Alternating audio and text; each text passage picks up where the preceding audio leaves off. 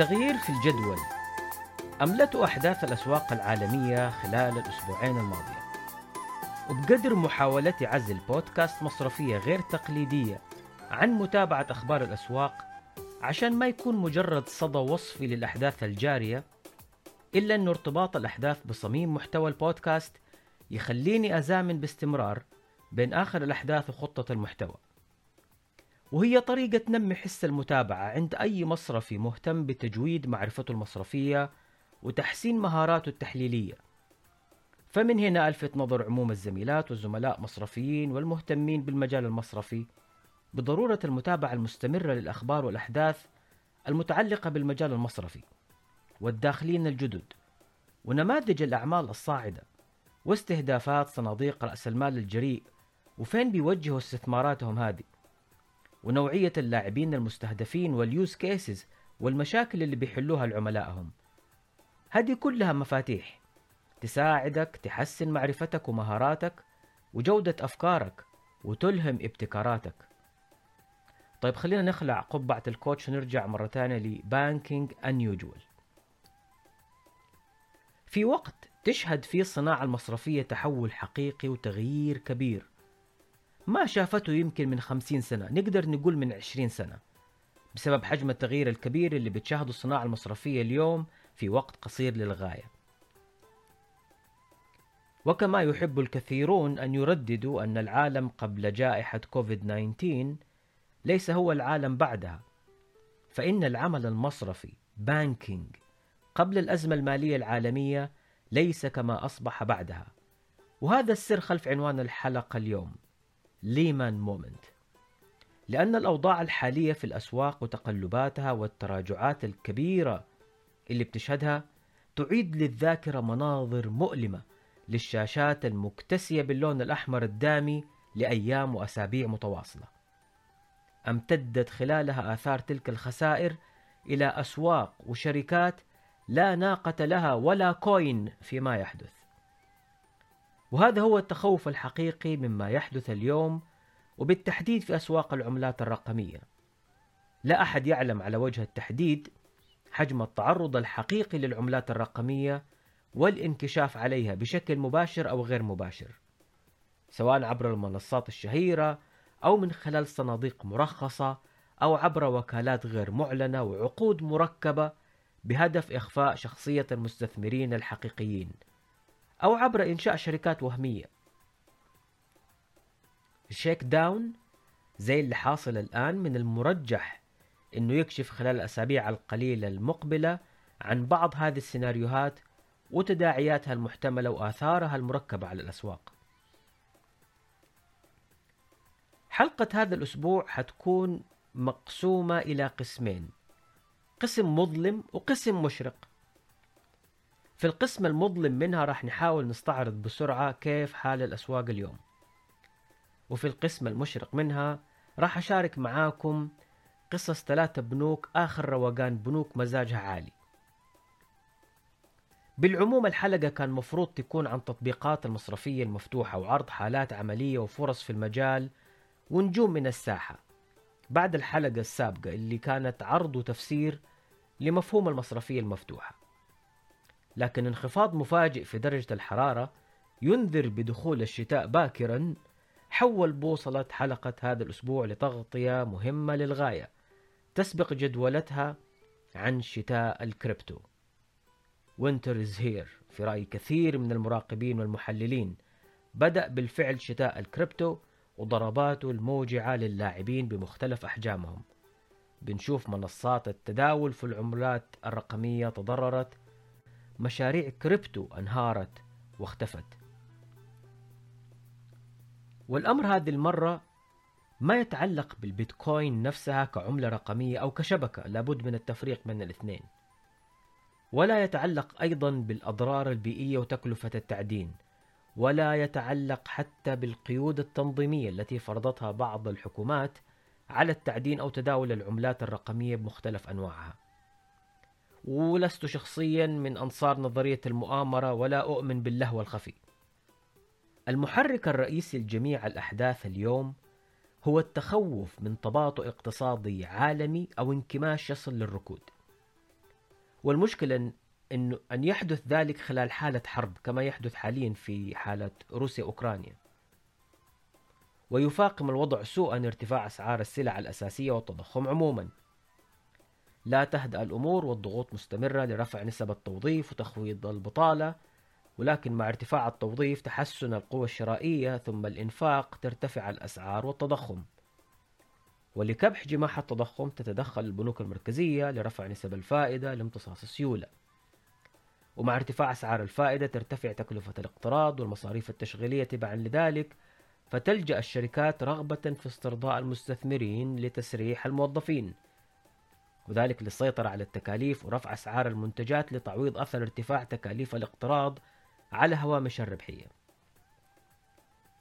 لكن ولعدم كفاية المعروض من السلع بسبب إشكالات سلاسل الإمداد واستمرار الحرب تقوم الشركات بتسريح المزيد من العاملين ورفع أسعار المتوفر من السلع لتعويض فاقد الإنتاج. استمرار هذا الوضع يقوض نجاعة جميع الحلول الكلاسيكية المتاحة. فرفع أسعار الفائدة والاستمرار في رفعها في ظل هذه الظروف المعقدة من المرجح أن لا يجلب أي توازن للأسواق بل ربما سيقود للمزيد من النزيف على جميع الجبهات في المدى القصير والمتوسط ويفاقم آثار كل ذلك عدم التعافي من آثار الجائحة واستمرار حالة الحرب وظهور متحورات جديدة من كورونا وإغلاقات متكررة وإن كانت محدودة من هنا وهناك. والنتيجة التي يخشاها الجميع لهذا السيناريو هي حالة ركود تضخمي أو stagflation. فهذا هو المتهم الرئيسي خلف تقلبات معظم الأسواق العالمية اليوم ومن ضمنها وأشدها بالعموم سوق الكريبتو. المبادئ الرئيسية التي تأسس عليها مستقبل الكريبتو تتعرض الآن لاختبار وجودي حقيقي. وينتظر الجميع أن يرى كيف ستتعامل هذه السوق الناشئة مع ضغط عالي وطلب على السيولة سيقود في الأيام المقبلة لمزيد من حالات البيع وتسييل المحافظ الرقمية. ويبدو أن السير في اتجاه واحد crypto to fiat سيمثل ضغط إضافي قد يقود لمزيد من عمليات تجميد تحويل المحافظ وسحب الأرصدة ويكشف المزيد من ظلمات شتاء الكريبتو. كيف يبدو عموما شكل الأسواق اليوم؟ معظم الأسواق الرئيسية تشهد منذ بداية العام تقلبات محدودة إلى ظهور نتائج الشركات الكبرى وتوالي إعلاناتها التي تلقتها الأسواق بسلبية خصوصا في قطاع التكنولوجيا مع نهاية الربع الأول. بالعموم معظم الأسواق الرئيسية والمؤشرات الرئيسية سجلت نسب انخفاض في حدود 15% خلال 6 شهور الماضية. عمالقة التكنولوجيا مثل نتفليكس بمجرد إعلانها عن خسارة 200 ألف مشترك وتوقعات بخسارة مليوني مشترك إضافي تراجعت قيمتها السوقية إلى البارحة ب 71% بالرغم من أنه نتفليكس لا تزال رائدة القطاع بأكثر من 200 مليون مشترك حول العالم. فيسبوك تراجعت 52% أمازون 39% تسلا 31% جوجل أو ألفابت 27% أبل 24% هذه الشركات تعتبر أكثر الشركات ريادية وابتكارا حول العالم وجميعها شركات رابحة وهذه نسب تراجعها خلال الستة شهور الماضية. بالمقابل وبنظرة سريعة على عمالقة العملات الرقمية وأدائها خلال الستة شهور الماضية نلاحظ تراجع سعر عملة إثيريوم ب 75% هو أكبر تراجع لوحدة من أكبر العملات وأشهرها وأوسعها تبنيا. يليها في نسبة التراجع لايت كوين ودوج كوين ب 69% ثم عملة XRP ريبل وكاردانو بتراجع 63% وأخيرا بيتكوين بتراجع يتعدى الآن 60%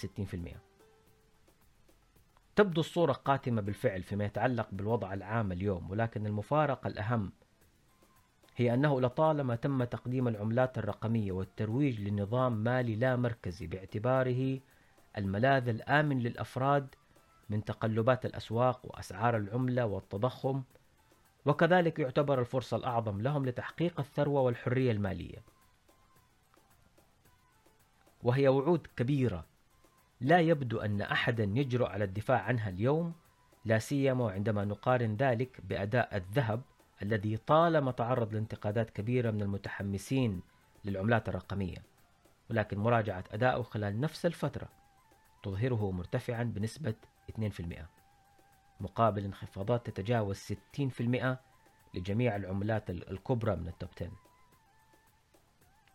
شخصيا أنا مؤمن بفكرة المالية اللامركزية Decentralized Finance ولكن حيث يوجد لها تطبيق قادر على خلق القيمة. الفكرة واعدة بلا شك لكن التجارب قليلة ولم يتم اختبارها بما يكفي. وأؤمن أيضا بشبكة البيتكوين وبالعموم بالبلوكشين كشبكة قادرة على استضافة العديد من التطبيقات والحلول اللي ممكن تساعد الناس في كل مكان. العملات الرقمية أو الرموز المشفرة NFTs جميعها في بداية مراحل الاستخدام وتطبيقاتها لم تنضج بعد بما يكفي.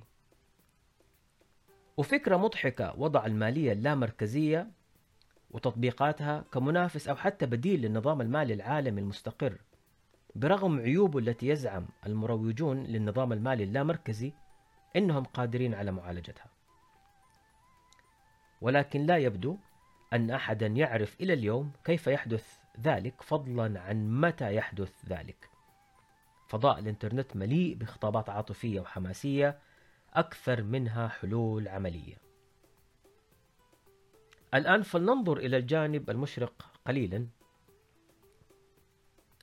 خلينا كده نمشي مع بعض في أرياف سويسرا في مدينة صغيرة اسمها زوك اشتهرت على نطاق ضيق باسم Crypto Valley باعتبار بلديتها أول جهاز حكومي يقبل دفع الضرائب ببيتكوين. زوك بدأت تستقطب قبل عدة سنوات المهتمين بأنشطة الكريبتو. في 2014 Ethereum Foundation أختارت المدينة مقر لها ولحقها بعد كده كمان مقر ال Bitcoin Association بالعموم هدول ناس بتشتغل بهدوء في جو خلاب وأرياف بديعة أكيد حيخرجوا لنا بإبداعات رهيبة. أول هذه الإبداعات اللي حشاركها معاكم SEBA Bank. يعتبر أول مصرف مرخص في العالم متخصص في الأصول الرقمية. البنك تم تأسيسه في 2018 وحصل على رخصة مزاولة الأعمال المصرفية والوساطة في 2019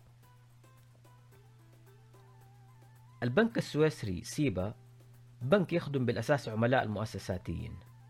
من بنوك مؤسسات مالية عندها رغبة في خدمة عملائها من خلال توفير فرص في سوق الأصول الرقمية سواء كانت عملات أو رموز مشفرة من خلال خدمات الحفظ أو الترتيب والمشورة والائتمان والاستثمار.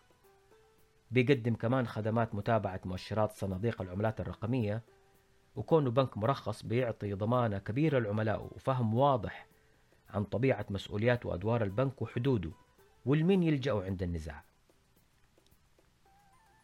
سيبا بنك اليوم بيخدم عملائه في حوالي 24 بلد حول العالم.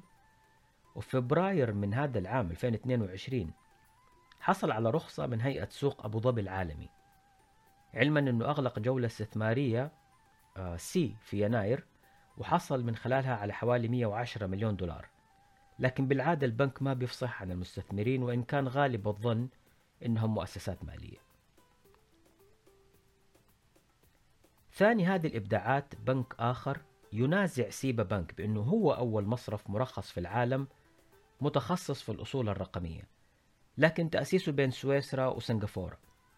وهو Sygnum Bank وتم تأسيسه في 2017 هو بنكي المفضل في هذا المجال بمنتهى البساطة. Sygnum Bank ميزته إنه مرخص كمصرف يفتح لك حساب مصرفي ولكن في نفس الوقت يزودك بمحفظة رقمية يتيح لك فيها بسهولة تحويل رصيدك إلى عملات رقمية من اختيارك من العملات المتاحة. لكنه أيضا مرخص في مجالات الحفظ والترتيب والمشورة والائتمان. وعنده حل متكامل end to end لترميز الأصول tokenization. وهذا موضوع يبغى له رواقة وحنرجع له بإذن الله في حلقة منفصلة نتكلم فيها إن شاء الله عن اقتصاديات الترميز أو tokenomics. لكن خبر مهم العام الماضي هو نجاح بنك سيجنوم بالتعاون مع أرتيموندي في ترميز لوحة لبابلو بيكاسو. Fillette au béret رسمها عام 1964 تصور فتاة تلبس قبعة. هذه اللوحة اليوم متاحة على منصة تداول بنك سيجنوم. تقدر تشتري حصة فيها tokenized مرمزة مشفرة NFT ب 6000 دولار. وتكون تقريبا تملكت حصة ملكية في لوحة لبابلو بيكاسو ما كان ممكن تتملكها بقيمتها اللي تقترب من 4 مليون دولار. الأهم غير أنك تملكت هذه الحصة هو أنك تقدر تبيعها في أي وقت وربما بمكسب مجزي. كل هذا بيتم على البلوكشين. سبق وذكرت لكم أكثر من مرة في الموسم الأول أني أي شركة أنظر فيها وأحاول أدرسها جزء من دراستي لها أوجهه للنظر في قيمها. باعتبارها وعد الشركة الأخلاقي للمجتمع وكيف يبغوا الناس يشوفوهم. وسيجنوم بانك ليس استثناء. في مقابلة مع الرئيس التنفيذي للبنك أتكلم عن ثلاثة قيم تلهم الشركة في تحركاتها وأهدافها. في مجال مصرفية المستقبل أو مالية المستقبل Future of Finance. الأولى هي الثقة ويقول سبب الإصرار من اليوم الأول إنهم يكونوا مصرف مرخص هو رغبتهم في منح الثقة لعملائهم عن المعيار اللي بيحاولوا إنهم دائما يحافظوا عليه من العمل دائما وفق القانون في كل سوق يدخلوا وكل منتج يطرحوا. القيمة الثانية التكنولوجيا وتوظيفها من أجل تطوير خدمات ومنتجات تمنح العملاء الخيارات التي يتطلعون لها. والقيمة الثالثة هي حلقة الوصل بين القيمتين الأولى اللي تكمل الدائرة العمل الجماعي حيث يرى أن مصرفا منفردا لن يمكنه أن يقود التغيير المأمول الذي تنتظره الأسواق والعملاء وأن السبيل لذلك يمر عبر خلق ecosystems توفر للعملاء منتجات وخدمات موثوقة بأفضل تقنية متاحة عبر العمل الجماعي كشركاء. الإبداع الثالث هو Kraken Bank وهو النسخة الأمريكية من البنكين السابقين. حصل على رخصة مزاولة الأعمال المصرفية في الولايات المتحدة الأمريكية في سبتمبر 2020 لكنه موجود قبل كده وعنده أكثر من 6 ملايين عميل داخل أمريكا وخارجها لكنه معروف كمنصة تداول في الأصول الرقمية تعد رابع أكبر منصة تداول في العملات الرقمية الجديد الآن أنه بنك مرخص في أمريكا فعملائه حيكون بإمكانهم فتح حسابات مصرفية والتحويل بين محافظ عملاتهم وحساباتهم بسهولة وسداد فواتيرهم واستقبال رواتبهم إجراء عملياتهم المصرفية الاعتيادية. البنوك الثلاثة ليست هي الوحيدة على الساحة أو في الطريق للدخول للسوق. آه، في مصرف كوري اسمه Crypto Bank تحت التأسيس وغيرهم في أماكن أخرى. سعادتي بهذه الإبداعات مصدرها نضج نماذج الأعمال وخبرة القائمين عليها وتوجهاتهم التي تحترم تنظيم الأنشطة وتفهم غرض التنظيم. هناك ركنين رئيسيين ينظر لها المشرعون عند تنظيم أي نشاط مالي. الأول حماية حقوق العملاء مستثمرين أو ملاك. والثاني حماية استقرار السوق. في أمور أخرى طبعا لكن هذين الركنين هم حجر الأساس. الرابط المهم بين حلول هذه البنوك كلها هو أنها مبنية على البلوكشين فهي تطبيق عملي لمصرفية المستقبل. والأمر الثاني أنها بنيت بشكل يتيح للعملاء سلاسة الانتقال بين حساباتهم بالعملات التقليدية fiat currency ومحافظ عملاتهم الرقمية. فهذا الدمج بين المصرفية اليومية ومصرفية المستقبل قد يكون هو الجسر الذي يحتاجه السوق اليوم لبناء المعرفة اللازمة لدعم تبني تقنيات مصرفية المستقبل. ختاما تتداول بيتكوين في هذه اللحظات تحت مستوى 18 ألف دولار. كانت هذه الحلقة الثانية من بودكاست مصرفية غير تقليدية. شكرا لمتابعتكم بانكينج Unusual.